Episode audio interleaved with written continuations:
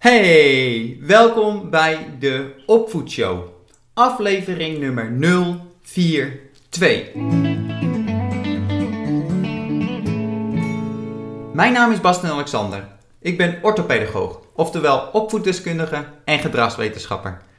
Tijdens de Opvoedshow bespreek ik verschillende tools en technieken met betrekking tot de opvoeding.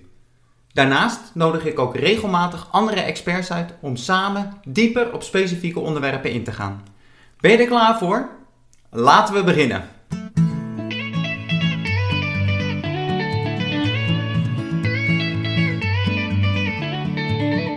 Als je tijdens het luisteren nou aan iemand denkt die deze informatie goed kan gebruiken, vergeet dan niet om de aflevering te delen. En laat me ook weer weten wat je van de aflevering vond. Welke tips sprak je het meeste aan? Of op welke manier kunnen we de opvoedshow verbeteren? Of misschien heb je een idee voor een leuk onderwerp? Ik sta er allemaal open voor. Dus stuur me een bericht. Dat kan via contact@bastenalexander.com of laat een recensie achter. Oké, de aflevering voor deze week. Strijd in de opvoeding en een kind dat niet luistert zijn van die klassieke energiezuigers. Hoe kun je nou de strijd in de opvoeding vermijden? De strijd ombuigen in connectie met je kind. Hoe kun je dit nou als je het gevoel hebt dat het niet meer uitmaakt hoe je reageert? Wat je ook zegt, wat je ook doet, het eindigt altijd in strijd en ruzie. Het is tijd om duidelijkheid te verschaffen van waar de reactie van je kind nou vandaan komt. Waarom is het eigenlijk nooit goed en waarom luistert je kind zo slecht? Laten we beginnen. Als ik het met ouders over het probleemgedrag van hun kind heb, komt vaak de vraag opborrelen: is er iets met mijn kind aan de hand? Ouders maken zich zorgen dat er eventueel een gedragsstoornis is die het probleemgedrag verklaart. En mijn antwoord eigenlijk is altijd nee. Want een gedragsstoornis is namelijk heel wat anders dan probleemgedrag. Het draait om de balans tussen de verwachtingen naar het kind toe en diens mogelijkheden. Dus bijvoorbeeld een gedragsstoornis kan voor een disbalans zorgen, wat voor probleemgedrag zorgt. Maar ook als er sprake is van een stoornis, als die balans er wel is, hoeft dit helemaal geen probleemgedrag te zijn. Want vaak zie je dat er bij een stoornis ook weer juist hele andere kwaliteiten komen kijken. Nou, wat ik wil bespreken vandaag met je is dat er een aantal opvoedregels zijn die tegen je natuurlijke reactie ingaan. Maar door die natuurlijke reactie, dus eigenlijk niet bewust te zijn van waar het gedrag van je kind vandaan komt, maak je het voor jezelf zoveel lastiger en levert dit zoveel meer strijd op. En daardoor kom je in een negatieve spiraal terecht, waardoor conflicten frequenter en intensiever worden. En daardoor kom je in een situatie waardoor het lijkt alsof het niet meer uitmaakt wat je doet of wat je zegt, omdat het toch eindigt dat je kind boos is, strijdt en dat je zelf ook emotioneel wordt. En nu is het dus tijd om dat patroon te doorbreken. En het goede nieuws, hier hoeft je kind helemaal niks voor te doen of voor te laten. Dit kun je helemaal zelfstandig. En het zal je verbazen hoe goed en snel je kind hierop zal reageren. Ik ga vandaag mijn drie opvoedpilaren met je bespreken, waarvan ik zie dat het een hele snelle en mooie verandering brengt in de situatie van mijn klanten. Dus ongeacht het karakter van je kind en of er sprake is van een gedragsstoornis, het begint bij deze drie opvoedpilaren. En dan gaan we gelijk naar de eerste. En dat is het legen van de frustratie-emmer. Je kent dus waarschijnlijk het gevoel dat het niet uitmaakt hoe je op je kind reageert, dat het nooit goed is. Dit kan structureel zijn of dit kan in een fase zijn. En dat je voor jezelf afvraagt van hoe kan ik in hemelsnaam nou wel reageren of wat kan ik zeggen dat het niet op strijd uitloopt. Nou, als je jezelf hierin herkent, ben je bij die eerste opvoedpilaar aan het juiste adres. Want wat er gebeurt is dat je oplossingen aan het zoeken bent op het moment zelf. Dus op het moment dat je gaat reageren, dat je zoekt van waar zit de oplossing op dat moment. Wat kun je zeggen of wat kun je doen om die strijd te vermijden? Of dat je zelfs denkt van, ja, wat moet ik veranderen? Hij moet gewoon luisteren, mijn kind moet gewoon luisteren. En als ik dit hoor, dan denk ik altijd aan een specifieke situatie van een klant waar ik mee gewerkt heb. Want ik coach namelijk een alleenstaande vader en die had drie kinderen. En vader had mij hulp aan, uh, gevraagd, ingeschakeld, omdat de school waar hij toen op zat aangaf dat het niet langer door kon gaan. En dat vader niks zou doen, dat kind dan op zoek moest gaan naar een andere school. Nou, wat ik gedaan heb is dat ik eerst naar de thuissituatie ben geweest om te observeren van waar komen die problemen nou vandaan? Van hoe is die dynamiek en wat zijn die patronen? En in eerste instantie was ik er alleen om te observeren. Dus ik zei niks, ik had geen opdrachten meegegeven, ik wilde gewoon zien hoe de situatie eruit zag. En wat ik zag is dat hele gezellige momenten eigenlijk heel snel om konden slaan in strijd en ruzies. En zo was er één specifieke middag dat zo'n zes jaar, om wie het eigenlijk ging, van die het probleemgedrag had, die ging helemaal uit zijn plaat. Helemaal emotioneel en vader was radeloos. En hij riep eigenlijk radeloos naar mij toe van, ja, wat moet ik nu doen? Van hiervoor heb ik je ingeschakeld, van wat moet ik nu zeggen, wat moet ik nu doen? Maar op dat moment was het al zo geëscaleerd dat er eigenlijk niks is wat vader kon doen of kon zeggen anders dan te de-escaleren. Dus niet zo'n op dat moment een les willen geven of een consequentie voor zijn gedrag willen geven of dat hij iets leert, maar eigenlijk gewoon de boel weer rustig krijgen. En vader was het hier in eerste instantie niet mee eens, want die had zoiets van ja, dan beloon ik mijn zoon eigenlijk voor het probleemgedrag. Dus als het probleemgedrag laat zien, dan beloon ik hem met uh, aandacht en het rustig krijgen. Nou, en hierin legde ik dus uit van hoe zoon zich nu voelt en hoe die nu is en de staat van is er geen sprake van een beloning. Van je komt dan gewoon op een punt dat het niet meer bespreekbaar is en alles wat je kan doen is deescaleren. En nou, vader heeft dat uiteindelijk ook gedaan en dat is allemaal goed gekomen. Maar het moraal van het verhaal is eigenlijk dat de sleutel van het moment dat je dus afvraagt van ja, wat kan ik doen of wat kan ik zeggen om die strijd te vermijden, dat, dan, dat het op dat moment eigenlijk al te laat is. Van dat de sleutel, de oplossing ligt eigenlijk in die tijd daarvoor. Van hoe ben je op dat punt terechtgekomen? En wanneer is dat verkeerd gegaan? Wanneer begint die strijd eigenlijk? Nou, en dan is het goed om te beseffen van waar komt het gedrag vandaan? Waar komt die reactie vandaan? Dat ligt dus niet op het moment zelf. En dat is ook helemaal niet afhankelijk van hoe jij reageert. Maar het gaat erom van hoe dat kind zich voelt. En dan betrek ik het altijd op mezelf. Dan geef ik altijd voor mezelf het, het voorbeeld. Van stel dat er wat gebeurt. Neem een willekeurige situatie. Er is een trigger die in strijd zou kunnen ontvlammen. Nou, en zet mij nou eens in die situatie neer en bedenk hoe ik zou reageren op het moment dat ik echt een topdag heb gehad. Ik heb goed nieuws gekregen, ik heb heerlijk gesurfd, het is prachtig weer buiten, beste dag van mijn leven. Ik kom thuis en dan gebeurt die trigger. En hoe denk je dan dat ik op dat moment reageer? Nou, waarschijnlijk reageer ik daar dan heel erg goed op en rustig en kan ik wel wat hebben en zal de situatie snel opgelost zijn.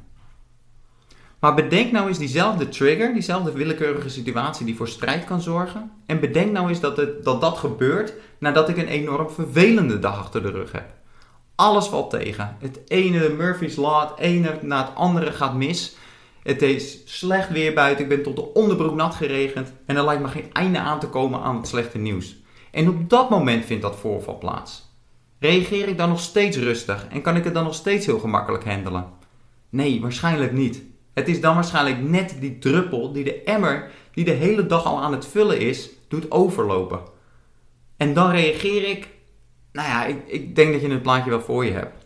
Van die frustratie. En zo moet je datzelfde zien bij je kind.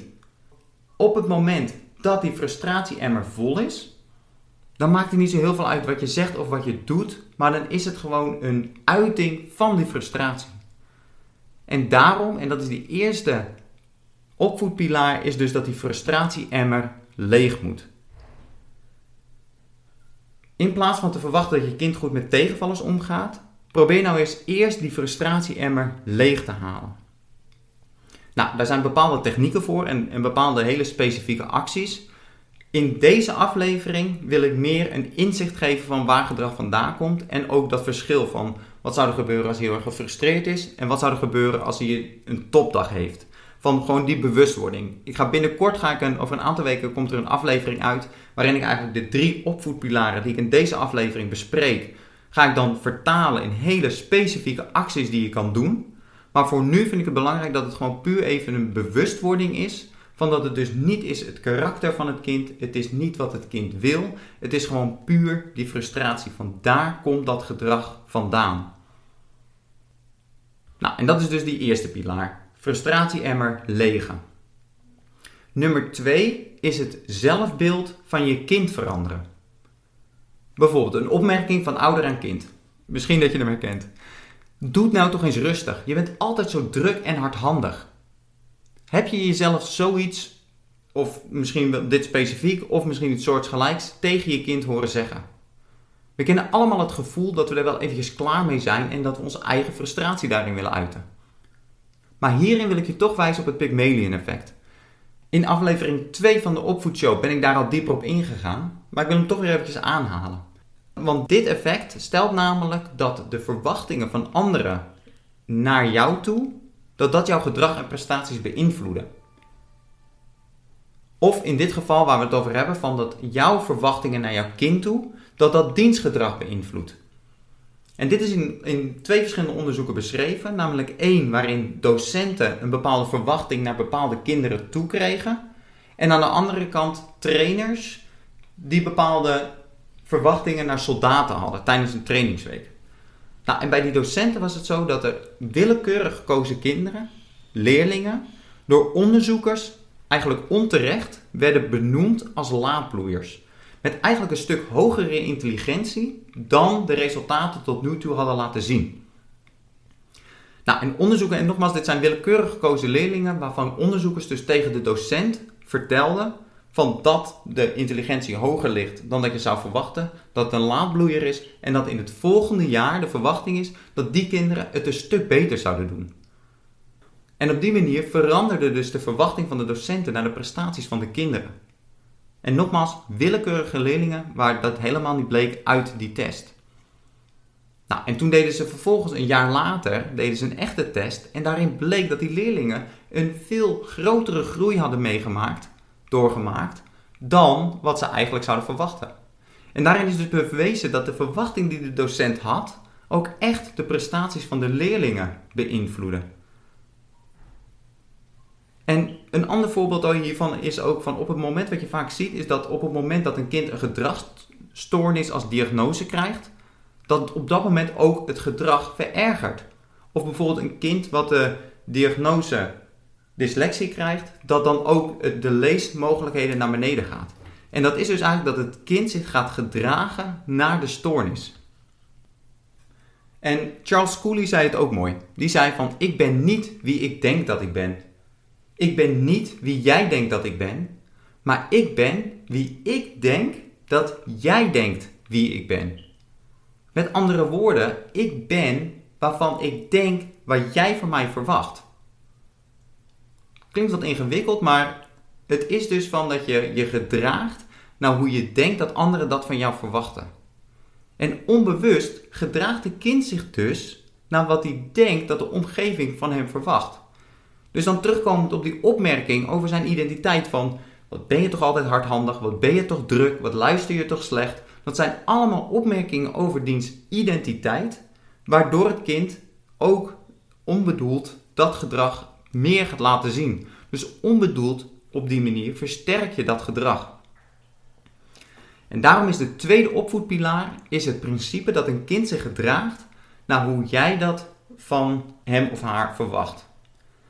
En nogmaals, van dit klinkt misschien nog wat, wat uh, zweverig en niet specifiek. En binnenkort, in, in de aflevering die binnenkort uitkomt, ga ik echt in op specifieke acties. Van hoe kun je dat nou veranderen? Wat kun je nou doen om het kind, die andere identiteit, dat eigenlijk dat zelfbeeld te veranderen? Maar voor nu is het dus goed om dat te beseffen. Als je jezelf iets over de identiteit van het kind hoort zeggen, stel je dan de vraag van wil ik dat mijn kind ook zo is? En zo niet, probeer het dan echt op het gedrag te laten en niet op de identiteit. De acties die ik ga bespreken, die zullen wat breder zijn. Dus niet alleen die opmerking, maar wat breder. Maar nogmaals, dat ga ik uh, in een andere aflevering bespreken. Nu ga ik nog even de derde opvoedpilaar uh, bespreken. En dat is om het te demonstreren in plaats van te vertellen. Een voorbeeld. Bastin, ik maak me zo'n zorgen over het gedrag van Jochem.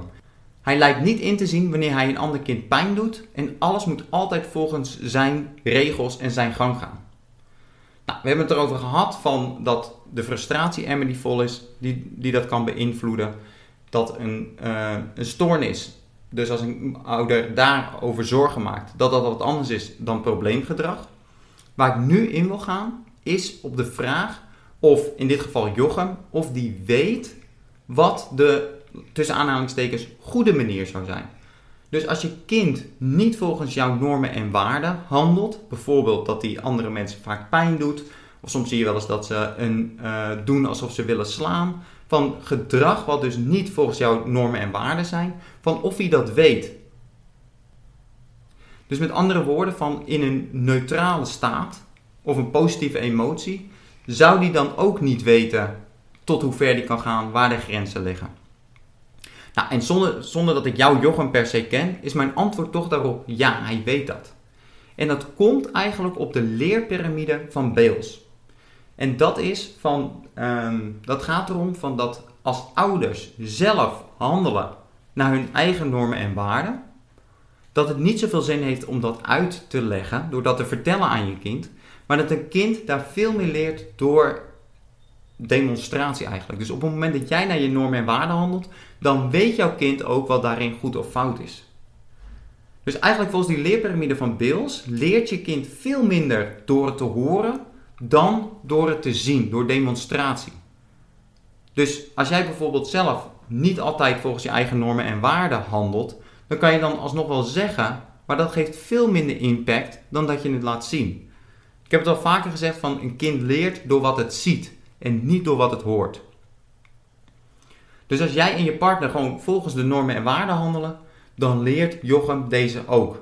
En die weet dan wat van hem verwacht wordt, wat goed en wat niet goed is. En nogmaals, door de frustratie, door andere dingen, kan hij op dat moment anders reageren, maar hij weet het wel. En eigenlijk zeg ik dit om je gerust te stellen. Want dan ga je dus ook weer kijken dat het niet de identiteit van Jochem is, maar dat het dus een onmacht is om op dat moment op de juiste manier te reageren. En die geruststelling, die twijfel weghalen, is super belangrijk van hoe jij naar je kind kijkt. Maar om dan weer de koppeling te maken naar de strijd in de opvoeding, van ja, wat, wat heeft dit nou weer met de strijd te maken? Nou, dan gaat het eigenlijk om van, ik weet niet of je het gezien hebt, van er zijn nu wel wat video's op de social media van zo'n filmpje, dat een ouder een baby op de arm heeft en die loopt dan door een uh, deurpost en die slaat dan met zijn vinger op de deur. En die reageert dan heel erg geschokt alsof het kind het hoofd heeft gestoten. En wat gebeurt er dan? Het kind begint te huilen. En niet omdat het pijn heeft, want er is helemaal niks gebeurd. Maar puur, zo hoort die klop op de deur en de reactie van ouder. En dat zorgt voor de tranen. En misschien heb je het zelf ook wel eens gehad, van dat je kind is gevallen en dat het eigenlijk Ehm, niet eens heel erg geschrokken is of niet hoeft te huilen. Maar omdat jij ervan geschrokken bent, dat het dan in één keer begint te huilen. Nou, dat is eigenlijk precies hetzelfde voorbeeld. Dat jij die, ja, ik noem het altijd de superheld bent voor je kind. Het voorbeeld bent voor je kind, die veilige haven. Waarin je kind dus kijkt van, zijn we veilig? Is alles in orde? En op het moment dus, dat jij een bepaalde paniek laat zien, is er paniek. Als je rust laat zien, is er rust. Dus dat is ook weer die demonstratie van wat voor zijn we in een fight-or-flight situatie terechtgekomen of zijn we in een veilige situatie? Nou, en waar ik dan naartoe wil in die strijd, is dus dat jouw kind heel erg gevoelig is voor jouw energie. En jouw energie bepaalt dus of er gevaar dreigt, of er iets vervelends aan de hand is, of dat hij zich geen zorgen hoeft te maken. En op het moment dat je je eigen frustratie voelt, en op het moment dat jij dus je kind vraagt om iets te doen met een bepaalde energie, met een bepaalde frustratie, dus stel dat je op je achterste poten staat en roept van doe nou eens rustig. Denk je dan dat het kind dan ook echt rustig doet? Of zal er dan een andere reactie plaatsvinden? Precies, dus op het moment dat als jij zelf ook die rust demonstreert, zal je zien dat je kind dan ook in die energie zal gaan. Misschien niet direct en misschien niet direct uh, resultaten daarin, maar dat is wel super belangrijk om het in ieder geval zo rustig mogelijk te krijgen. En die derde opvoedpilaar gaat dus eigenlijk over jezelf. Welk voorbeeld geef jij je kind? Welke energie heb je? Hoe is je ademhaling? En wat straal je uit naar je kind? En nou ja, dan, om terug te komen bij een andere uh, stel ouders. Ik had een intake daarmee. En zaten ook in de handen, met de handen in het haar. Wat betreft het gedrag van hun, was ook weer een oudste zoon. En wat er was, is dat een aantal keer per dag, van als het zoon eventjes niet aanstond, echt op de toppen van de longen schreeuwde hij het uit. En ouders maakten zich heel erg zorgen eigenlijk wat de buren ervan vonden. Van ja, dus van ja, die zullen ook wel denken van dat, dat ik hier mijn kind aan het mishandelen ben. Nou, en dat is ook weer die energie die het kind aanvoelt dus. Van die frustratie en weer is vol. En er is van alles aan de hand. En eigenlijk merkte dat de energie of de zorgen en de prioriteit van ouders niet bij het kind, maar meer bij de buurt ligt. Van wat zullen anderen er wel niet van vinden?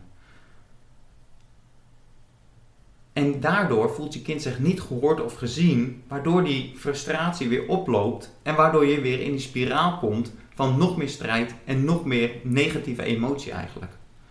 Nou ja, wat ik toen gedaan heb, is uh, een aantal tips gegeven van op dat moment dat jouw kind zo overstuur is, nou ja, dus naar je eigen energie sowieso kijken, maar ik heb nog wat andere tips die ik nogmaals in die andere aflevering ga bespreken. En het grappige is van, door dat te doen, consequent en echt bewust erop te handelen, zag ik dat bij die ouders echt binnen een week al het gedrag, nou misschien niet gelijk 180 graden, dat er nog wel incidenten waren, maar dat er zo'n groot verschil al was in het gedrag van het kind. Dat is echt super powerful. Dat is ook echt waar mijn ja, inspiratie vandaan komt om dit te doen, om dit te bespreken, om ouders te helpen. Dat het eigenlijk zo gemakkelijk is om resultaten te bereiken. Nou, hopelijk is het een beetje duidelijk. En nogmaals, het doel van deze aflevering is puur even het inzicht van waar komt het gedrag vandaan. Van dat het dus niet het karakter of de identiteit van het kind is, maar dat er dus externe omstandigheden zijn. En ook dat de oplossing van die strijd niet per se in de situatie zelf zit, maar veel meer gedurende de dag. Nou, dit zijn dan de drie opvoedpilaren die dat probleemgedrag kunnen veroorzaken of versterken. Houd de opvoedshow in de gaten. Over een paar weken ga ik dit dus vertalen naar concrete acties. En ik weet zeker als je dit beseft en deze kennis en dan met, combineert met die acties, dat er magie gaat ontstaan. Oké, nou ja, doel was dus de bewustwording, maar ik ga je niet helemaal zonder challenge de week weer insturen. Ik wil je toch een nou ja, kleine opdracht meegeven. En dat is eigenlijk om voor nu, om elke keer als je je kind aanspreekt, dat je let op je ademhaling. Want ik heb het al vaker gezegd van je ademhaling is de communicatie tussen je bewustzijn en je onderbewustzijn. Dus als jij heel hoog ademt, dan geef je eigenlijk je lichaam van er is stress. Dus dan gaat die cortisol en al die stresshormonen schieten. Terwijl als je rustig en diep door je buik ademt, dan komt je lichaam daarin ook door, tot rust, waardoor je een andere energie uitstraalt. Dus als je deze week je kind aanspreekt, waar zit je ademhaling? Oké, beloof je dat je met de challenge aan de slag gaat? Weet je het nog? Echte resultaten komen alleen door actie te ondernemen. Ik hoor, zoals elke week weer, graag wat je van de aflevering vond. Ga naar je favoriete podcast-app en laat een recensie achter. Daarnaast wil ik ook vragen om, deze aflevering met maar één iemand te delen. Samen kunnen we ervoor zorgen om de strijd in de opvoeding te vermijden en zelfverzekerde en succesvolle kinderen op te voeden.